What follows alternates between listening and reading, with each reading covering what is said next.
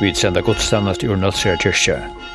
Salmaner og sugnebera er fire prætika, 500 nu renner solen fri, 503, frelsaren Hiremoin, og etter prætika 518, te vil jeg elska, 323, god tutun ekor, og 333, fri som trøst. Og salmane våre 503, 503, 518, 326 og 333. Anne Mette Greve Clemensen, prester predikar.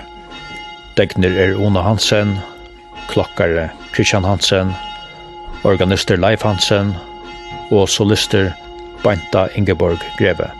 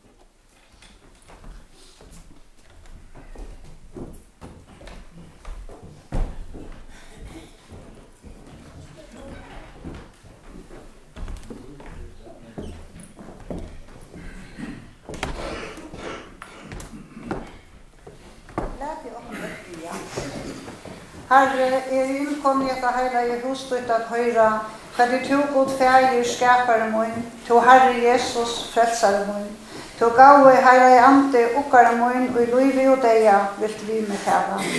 Herre, åpna til noe såleis vi til noen heila i anta, fyrir Jesu Krist god hjersta mut, at jeg av året til noen kan læra at bere enker om synder munar, Og i løyvi og deia at trykva av Jesus og kvenn og i heilan løyvi og lev meg at vakna. Ta høyre og bøn høyre god, for Jesus Krist. Amen. Amen.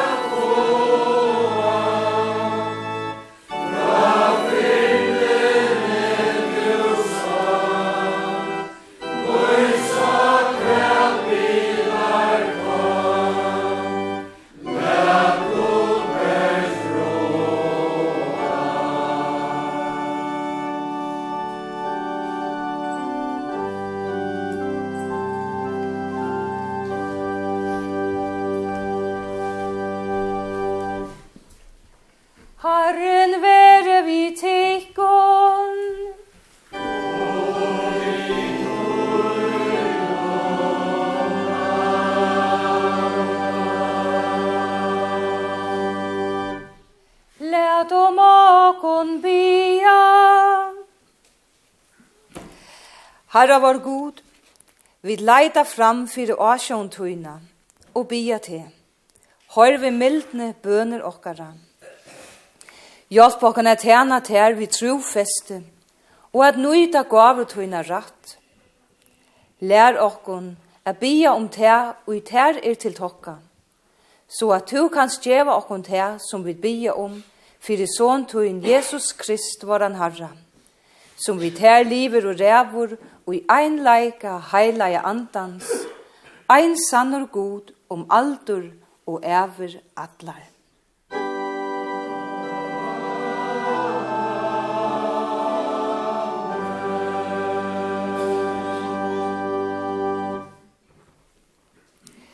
Hesen heilaje lesteren er skrivavur og i årtøkon Salomons. Sinja ikkje honom neka gott ui ta tørvar, om ta er ui tøynum valde at gjera ta. Si ikkje vi nasta tøyn, fær og kom attur, og i morgen skal jeg djeva ter, om tu eier til ta. Hoksa ikkje om ilt mot nasta tøynum, men han sider tja ter trykkur. Deil ikkje vi nekran utan orsøk, om han ikkje hever gjørst her neka mein. Øvunda ikkje ivergjerar mannen, og vel ter ongan av ötlun vevun hans. Tui at ein falsari er hadar nun ein anstikt, men vi tar rattsint og hans samfella hevur. Banning herrans er ui huset hins godleisa, men bostad har rattvoise signar han. Spottarar spottar han, men ei mjukun gjør han nøye. Viser mun og heier vinna, men darar få skom til bøydes. Så jeg var dagsens lestur.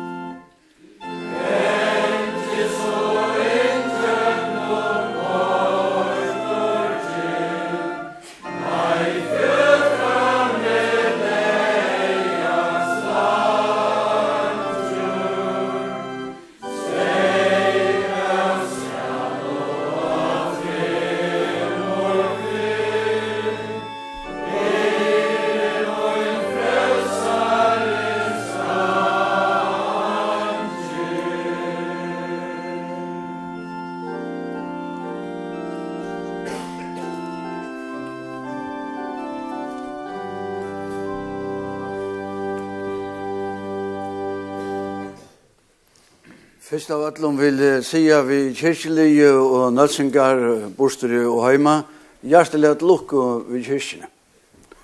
Hun fytler hun til trusjar, og av tog jeg av hun sier ikke morgen til. Men til lukke vi holdt vi det her var i vann halv halvfjerds minutter, og vi skulle helst klara alt innenfor det her tjivne togina. Det har vi tro på, men vi røyna. Annars var det frøttelig å komme inn i forkyrkjene, og Ja, jeg stille opp sammen med presten og baven som sitter inne i kaur, og så fer færa til gongo under frakjera gauen sanj. Takk for uh, sanjen, Banta. Og signe tøyna løy vi sanjen om vi er framme løyna. Så vi da finner jeg en uh, gaua start på Gustavnarsene. Nå er det bare omkjatt om en trim og en halskvite som sitter her framme i kaur. at av fylgelsen opp, så vi kommer kikka i bort i år. Kjære himmel, kjære, vi sier deg takk for at vi kunne være, takk for kyrkjen og nødse, takk for kyrkjen og kyrkjen og tænere. Takk for følge, hva sikne hessa bygd, hva sikne deg som igjen er og atta, av øtne og i bygdene, Igjen er og atta, hva sikne deg som igjen er koma, og var signat hei som her bolagast. Vi skulle i Jesu navn i høyre evangeliet til Lukas og leva det så i navnet hans herre.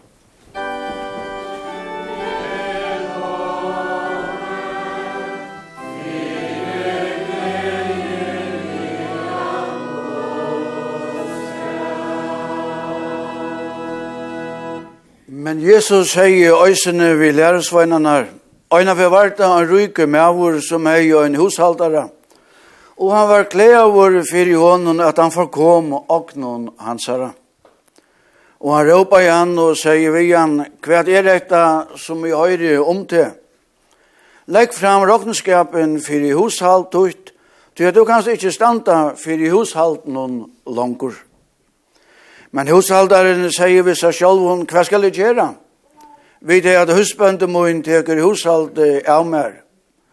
A velta er jeg ikkje mentor, a bytta kom jeg mer ikkje. Nu veit jeg hva jeg skal gjøre, for at jeg skulle teka meg og i husvinne, ta jeg veri avsettur fra hushalden. Og han kalla i tilsyn sin kvendt han øynaste av tøymon som var skuld til husbønde hansara og sier vi i fyrsta. Hvordan mykje skildar du husbønda munnen? Men han sier hundra føt av olje. Og han sier vi han takk brevt ut og sette nyer og skriva som kjøtas 50. Så jeg, så jeg sier han vi en annan, og hvordan jeg skildar til? Og han sier hundra tunnor av kvøyte. Han sier vi han takk brevt ut og skriva åtta til. Og husbønden råsa i tog i året viser hushaldaren om fire, at han er i båret seg klaglige et. Tog at bøttene at hesen heime er jo klokere, vi vujande tar ekno at enn bøttene at ljósen og jeg sier tikkun, gjerri tikkun viner vi hinun året viser mammon. Og teksten er så sjálfsamre at jeg leser han annet rett. Gjere dikken viner vi noen åratvisa mammon, til hess at høyr, da og han trytur, mye fagna dikken ui noen avio høymbøylen. Amen.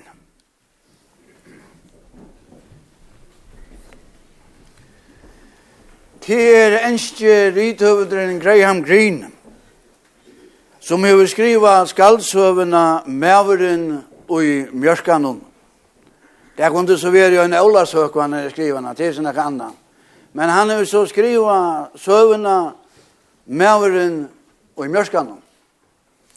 Och Jesus skallsövne säger en kvinnelig högsperson Elisabeth fra en någon äldre man och ju när jag har byggvant till lojo.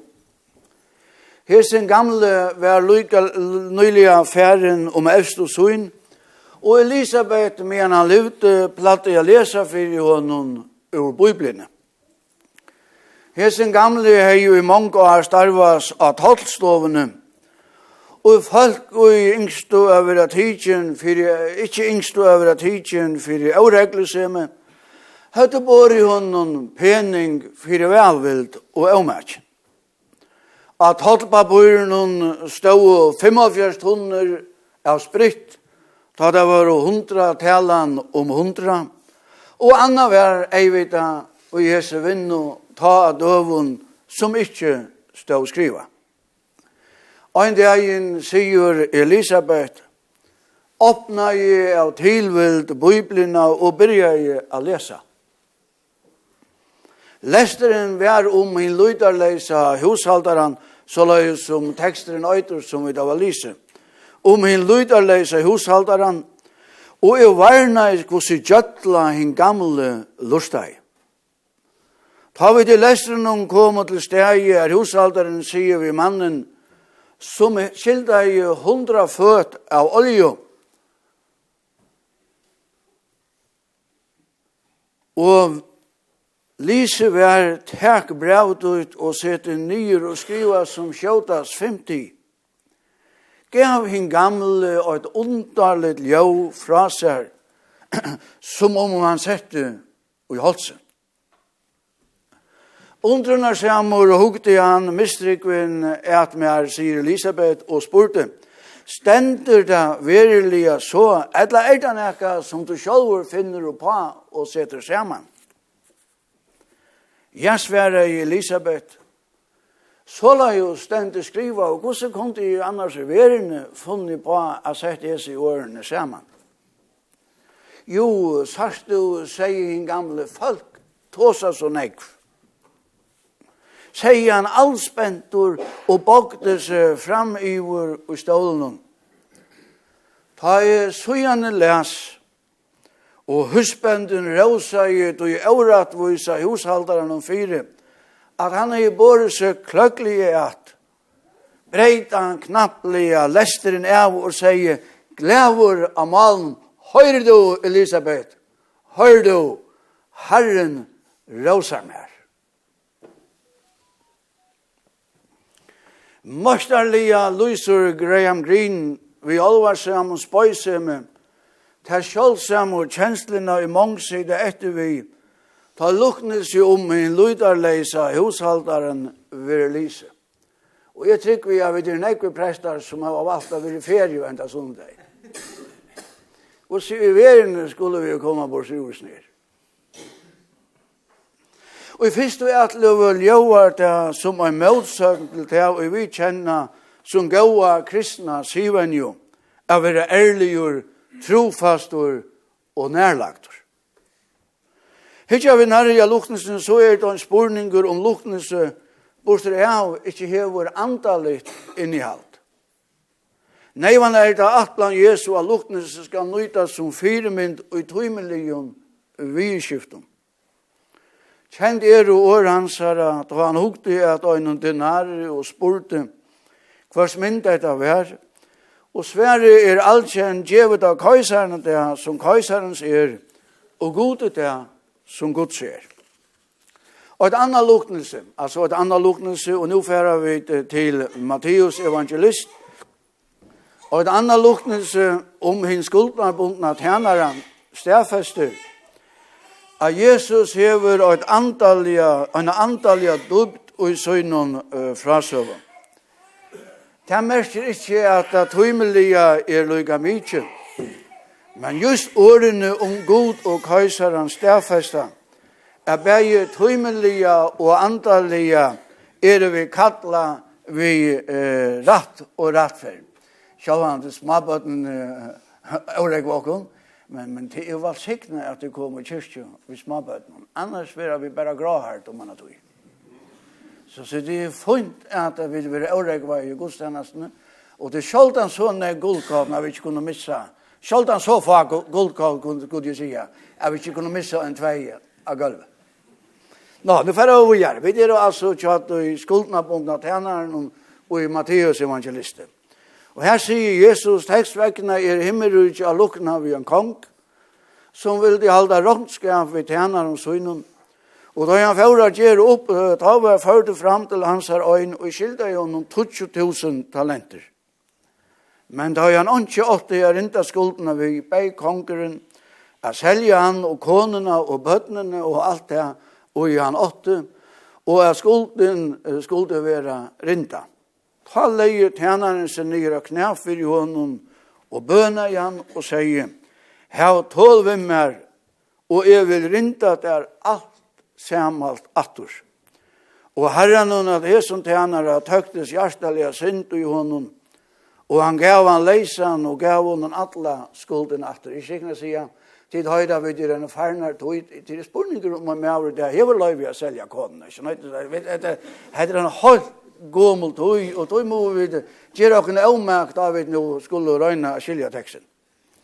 Hin luidarleis uh, skuldabundne, hin luidarleis og hin skuldabundne tjenar luidjast. Bægir tvær misrøkt og søgne oppgave til oppgaver som husbøndene har lært dem til. Oppgaven var større enn evnene, og i og løs er det årsøkjen til at fire djøvingen ikke nå begynner prætikan. Hitt er bare starskott. At fire djøvingen er alt hotteren i det evangeliske bådskapen. Kærløyke og fire djevingen. Longo i skapan heimsen gav god menneskjon i hendi at omsida sig skaparversk. Vi er oppesidare eller forvaltare som skulle røtje og fære om skapaneverk og alt livande. Så tullja ut hujenes sast av vid at du avvisar trobeløkar. Skaparen avsetter en skipan, men menneskjene er torfers vi at iverhalda lov herrans. Hva så? I lyderleise hushaldaren sa at møveløgjen var færen.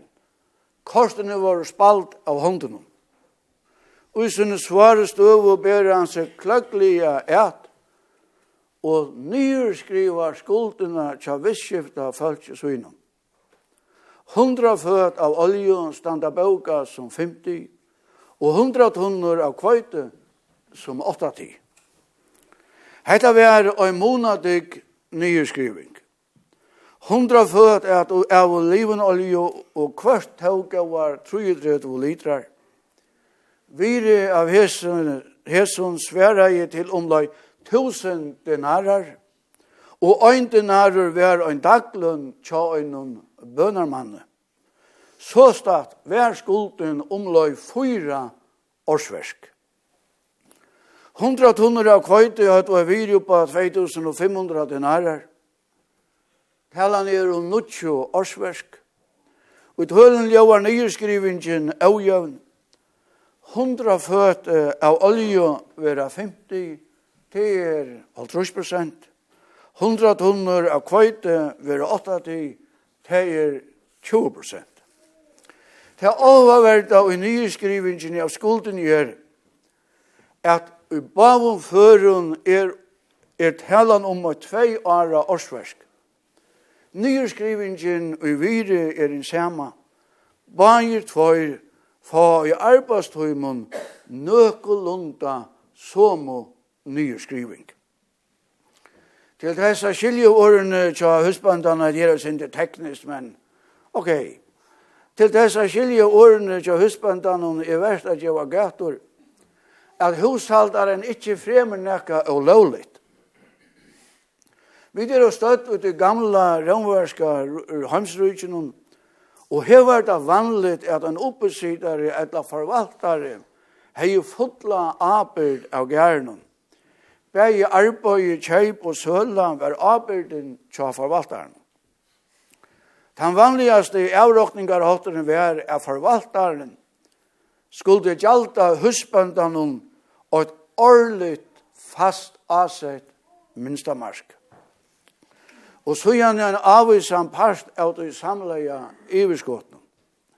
Hver underskott jeg så måtte forvaltaren sjálfur bæra til å gjalta sånne fest og opphatt til husbandan. Hin lyda leise tænaren hever etter öllna døma ått og en part av skuldene som han nyrskriva i. Tess kan husbønden ikkje anna enn råsånen, du han bor seg skila godt eit. Nu han skulle vera sett fra sunne abert.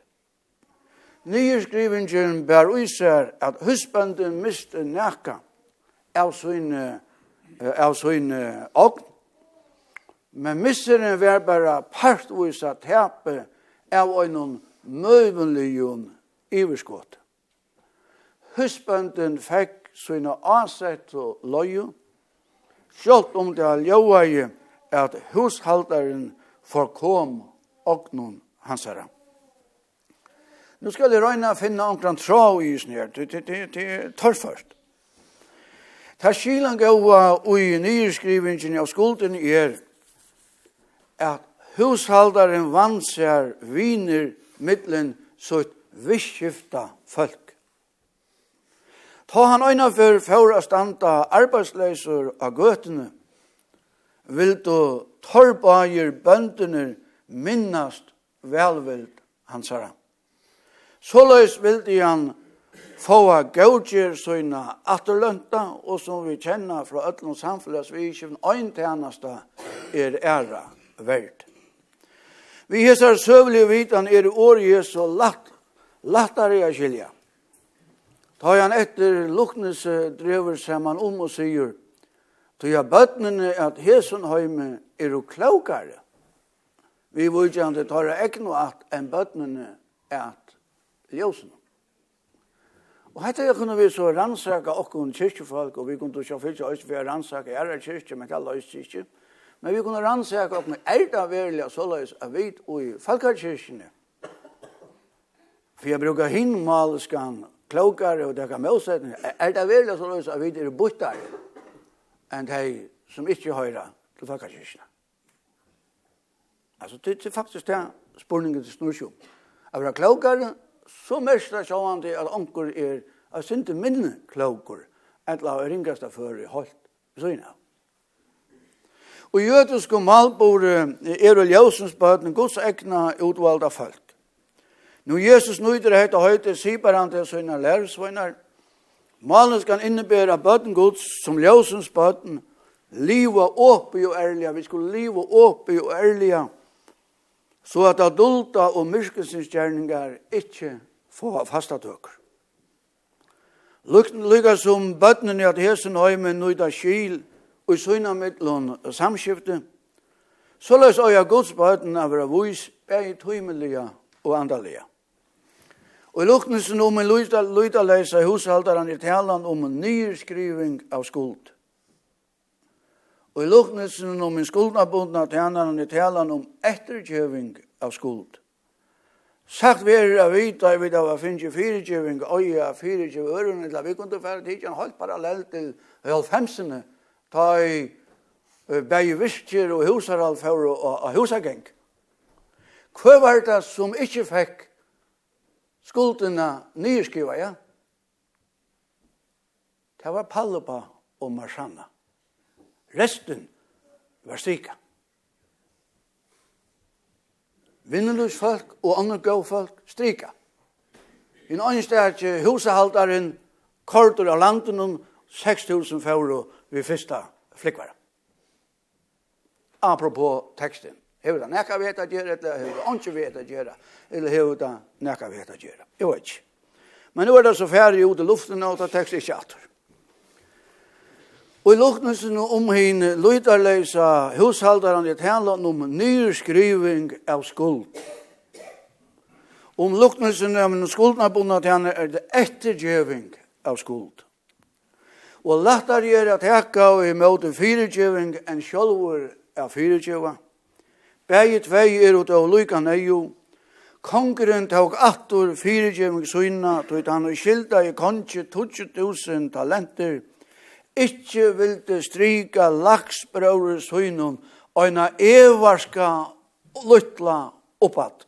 Og nu leipi jeg attor ut av teksten om. Den øynaste og ikkje fekk skuldina ettergivna i halvhemsen om, Det var hus og øyere.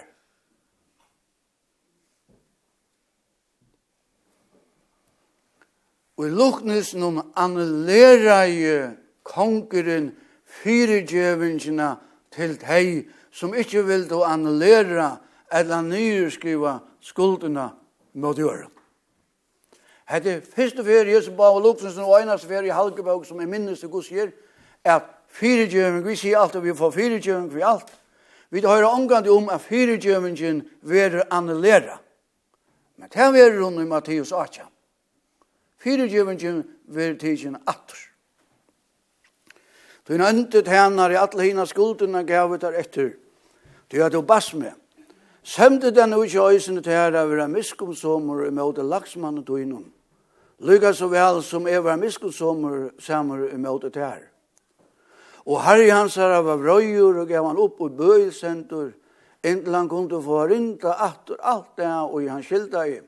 Så lai skal øyne himmelske fægi mun gjera i møte tykkun, om tid ikkje av hjarta hyrir djeva øyn og kvør brøyur søyna.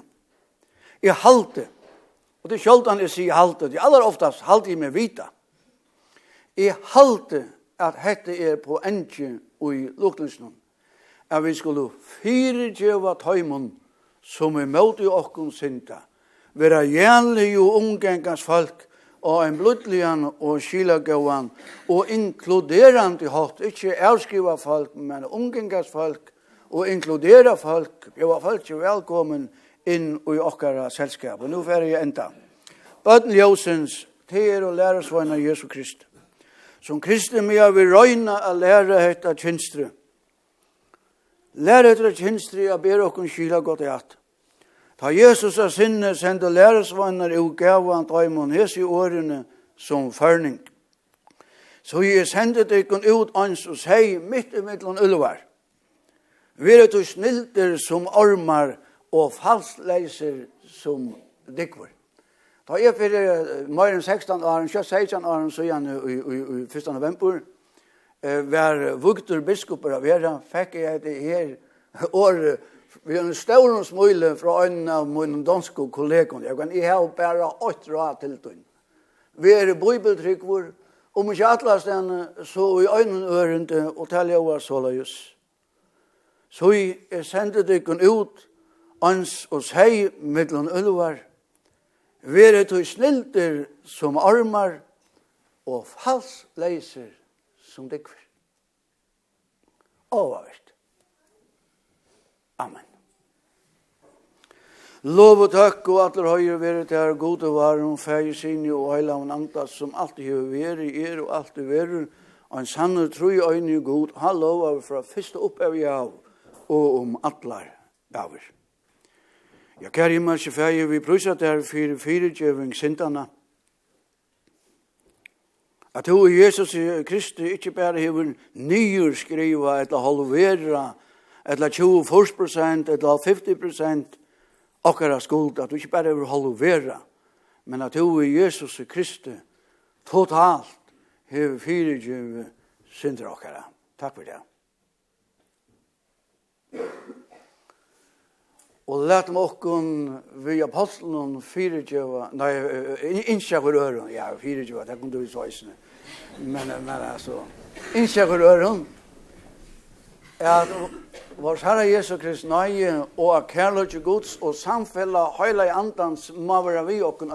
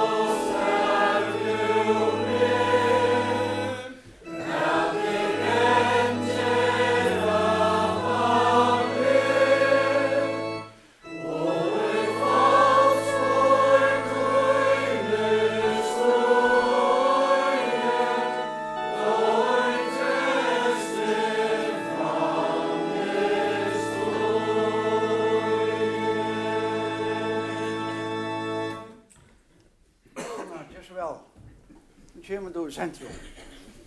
Du skal hitte etter pressen og tar njøta da vera at det er og ånden. Gå unna. Det er mer en glede av vera midtlundlig og i mittlund kyrkjerøy i Nøtse og hennar en drottning Margrethe og hesen ståra det i tøynun og okkara.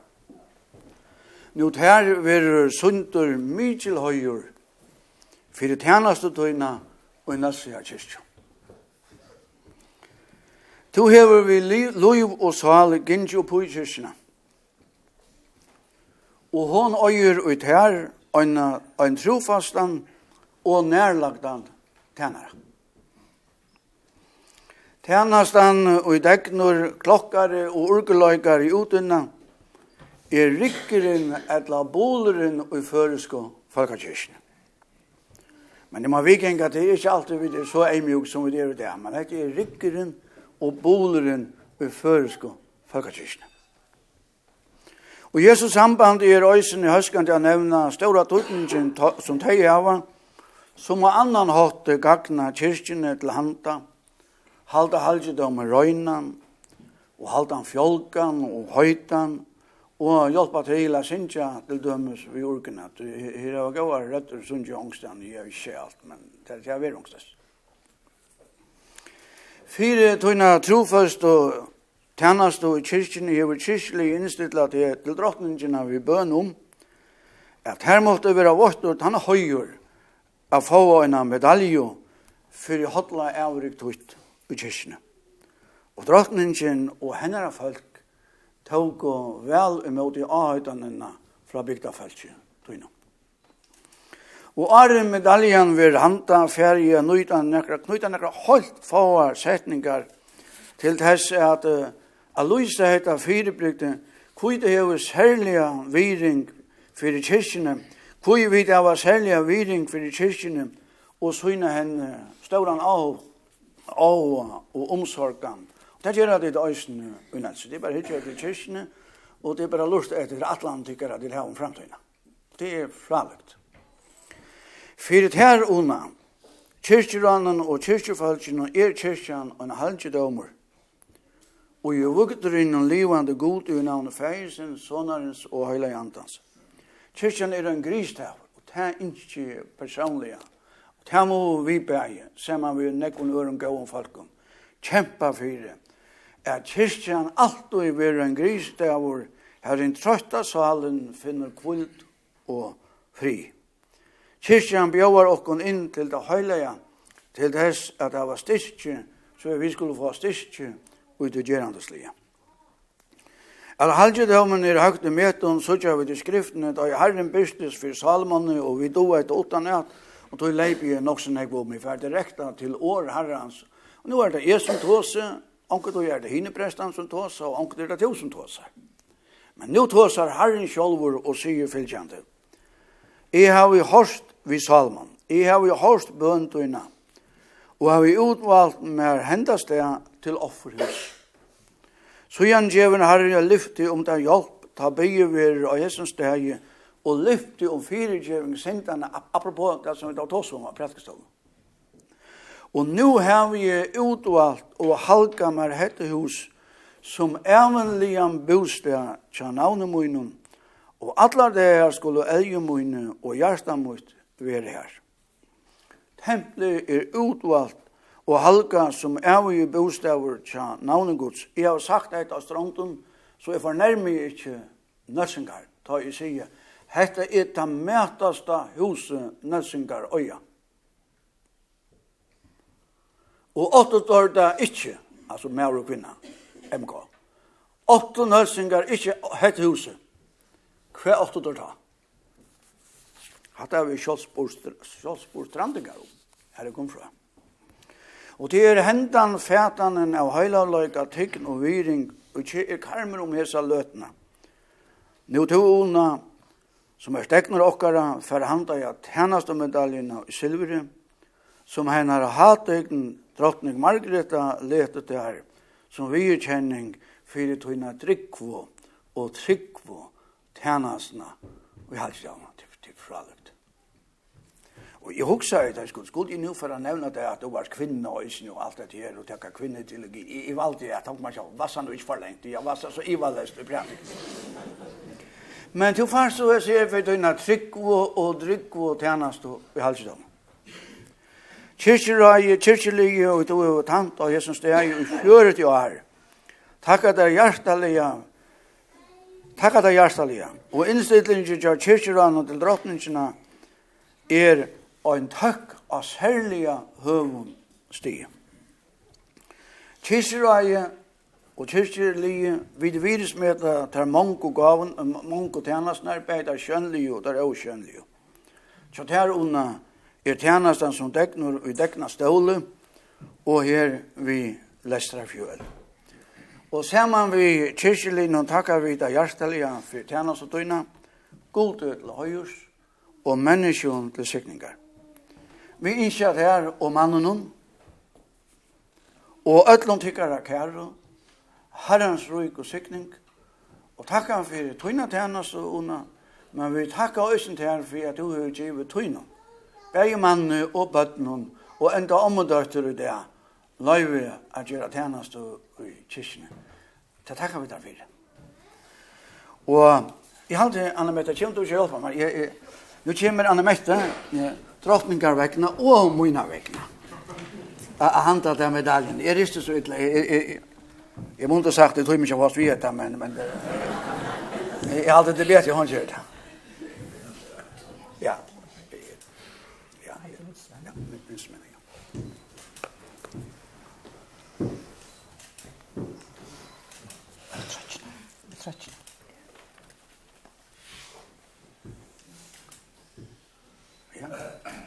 Då får vi kjøtta sida. Hvis jeg nå typer av venter at jeg kan møte som hinten her, hvis jeg setter bestemte vittlen. Ja, og Ona, det er 18 august, han er så fast og et høyre skriv. Og jeg ble, jeg vil si, vi er lett og smøylig å si alt etter gus og kongalivet der. Men så ble jeg å si, dette er fint høyre skriv som er signeret, flammet inn og hengt ångstes. Mm. Ja, det kunne gå klappa for deg, du kan.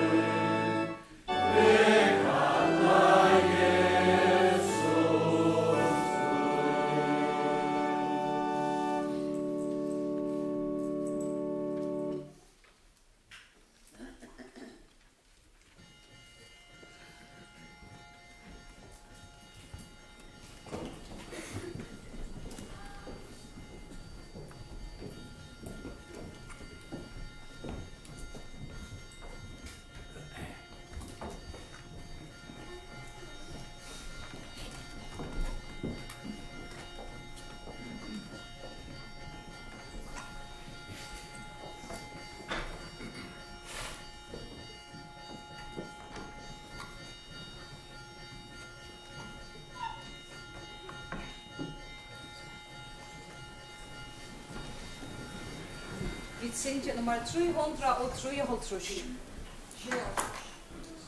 Nei, 300 og 300 fyrst.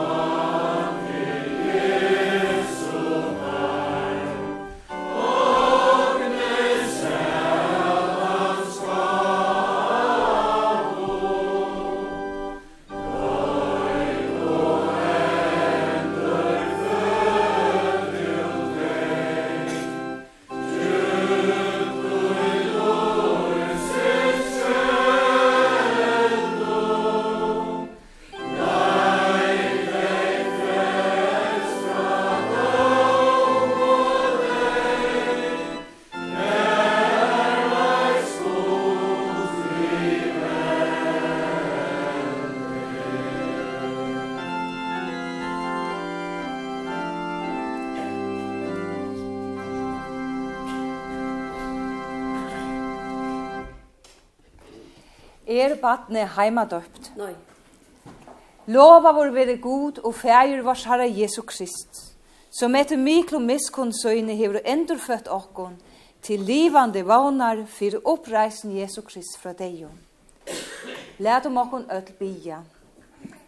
Himmelske fæger, vi takka ter, tui at vi einbarna sine tuinun, Jesus er Kristi, hever givi okkon hin heilaja dåp, Her tu gjerst okkon til bøtentøyne, og veitir okkon hin heilaja anda, vi fyrirgeving sintana, og hin un ervia løyve.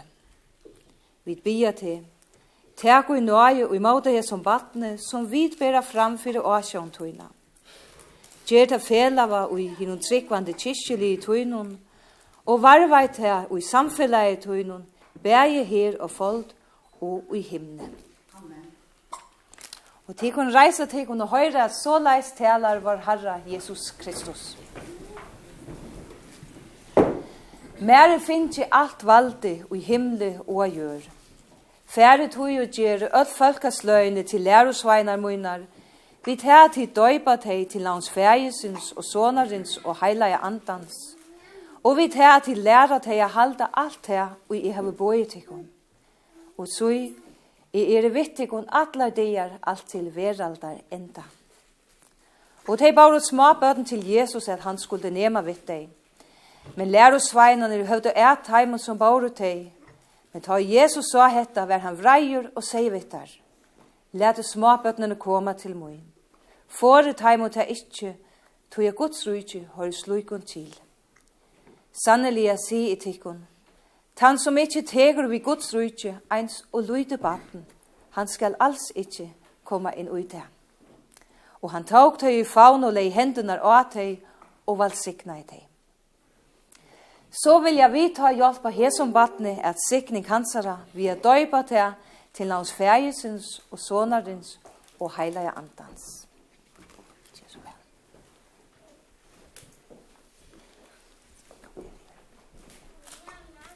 til bøtt som vil slippe suttje, skulle det endelig komme nærre.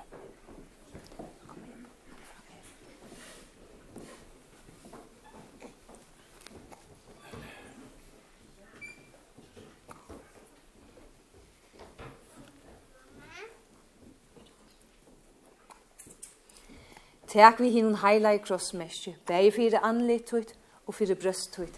Til vittnesborar om at du skal tilhøyra hinn krossfesta og opprisne herre Jesus Kristi. Hvordan eitur batne? Gia, rekvadøtter. Gia, rekvadøtter. Jeg noktar tu djevelen og atla gjerningar hans og atlan epor hans. Ja. Trus du a god feir hin skapar av himmels og gjerrar. Ja. Og av Jesus Krist, Guds einbarna son, var han harra, som er tiden av heilavon anda, boren og i heim av Mariumøy, Punslavor under Pontiuse Pilatuse, krossfestor, deijur og jæravur. Nyer færen til heljar, tria degen stein opp fra deion, færen til himmals, sitande vi høgre hånd Guds fægesins alvalda, hene han kjemur døma livande og dei. Ja. Og og heilajan anda, eina heilaja allheims kyrkjo, samfella tar heilavu, fyrirgjeving sindana, Uppreis likamsins og luiv om aldur og æver. Ja. Vil du vera døpt etter hese trygg? Ja. Gia rekva døtter. Jeg døyper te til hans fægisins ja. og sonarins og heilige andans. Ja.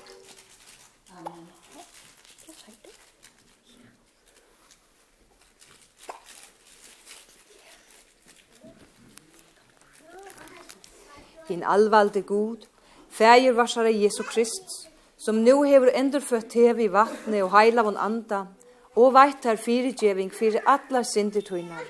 Han styrkje tev i nøyesugne til hitt evige løyve. Han varveite utgengtøyn og inngengtøyn, hien og fra og om allar ever. Og let om akon öll bia fæg var fyrir gije.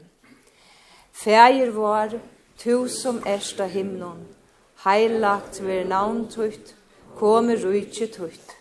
Vere vilje tuin som i himne så og gjør. Gjev okkon i det okkara daglige brei, og fire gjev okkon synder okkara, så som vit eisne fire gjev at heimun og i måte okkon synda. Og lei okkon ikkje i frestingar, men frels okkon fra tui idla, tui at tutt er rujtje, valde og heieren om atlar äfer. Frigjør vere her. Og tid kunne seta tikkun. Og tid og er og foreldur og fatrar at det som batne tid kunne nu vitna at det er døypt til navns fægisins og sonarins og heilaja andans. Vår Herre Jesus Kristus hever boi okkon at døypa, læra og at halda alt her og han hever boi okkon. Så lei skulle tid foreldur opp alla batne og hinnom kristelige batnelardome, bia fyretøy og læra tægjengi kyrkje, at det som pastor av kyrkjelinun må veksa og bonast i kristnare trygg. Tid fatrar, stol foreldrunum og i hesson gjerningi tarra. Kjenne åbyrd om foreldrene fatla fra, at batne vil leit fram og troarlei og vil verande i kristne Ein så tar nu vid dåpen er gråset og i hånden. Frigjør vere vi tikkum.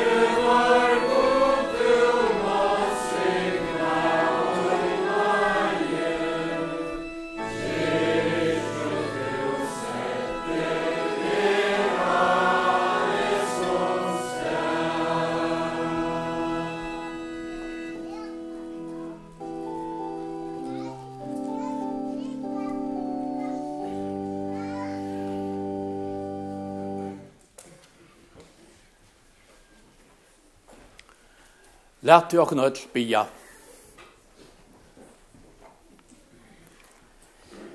Vi bia til god og feir okkara, vær tu tja okken öllun vi nai og hjelptøyne. signa og varvo i kyrkjutøyna her og hesu stegi, og vuja om heimen. Valsikna og varvo i tøyne heila og sakramente, så at heim hever omsiden ratt, og let året tøyt heva frukt at færa. Hjelp okkun at gøyma til i takksom og gjørstun. Ver vi tøymon som starvast og kyrkjutøyne, rujkjutøyne at frema. Vi kyrkjuravun og kyrkjutænarun, troboarun og prestun, prøste og biskoppe. Ver vi tøymon som færner ut i ånderland, at kundgjera gleibåskapen om te, og at uttana, at utinna tunn kærløs gjerning. Herre, høyrvara bøn, og Jesu navne.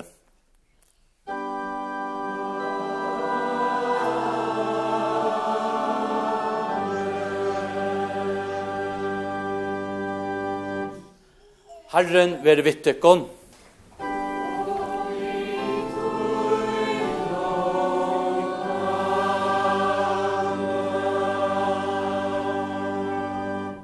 Herren var signet til og varvøyde til, Herren lette anledes så et lyse iver til å være der nøye vår. Herren lytte opp og æstjan sin iver til og gjevet her fri.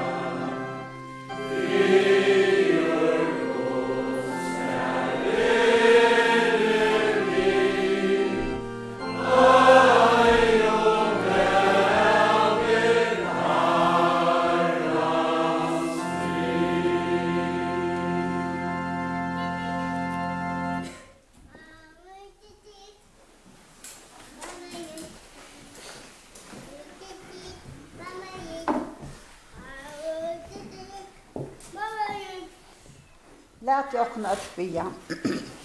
Herre, jeg takkje til av at hun hjärsta møynum, for at du hever lars meg at du vilt at jeg skal trykva og gjera. Hjelp meg nå god møyn vi heila i andre tøynum for Jesu Krist god, at jeg må varva et av årtut og regn om hjärsta. Jeg tog styrkjast i trunne, og i heila hun levna i vattna, og med vi til, og i løyge og deia okka.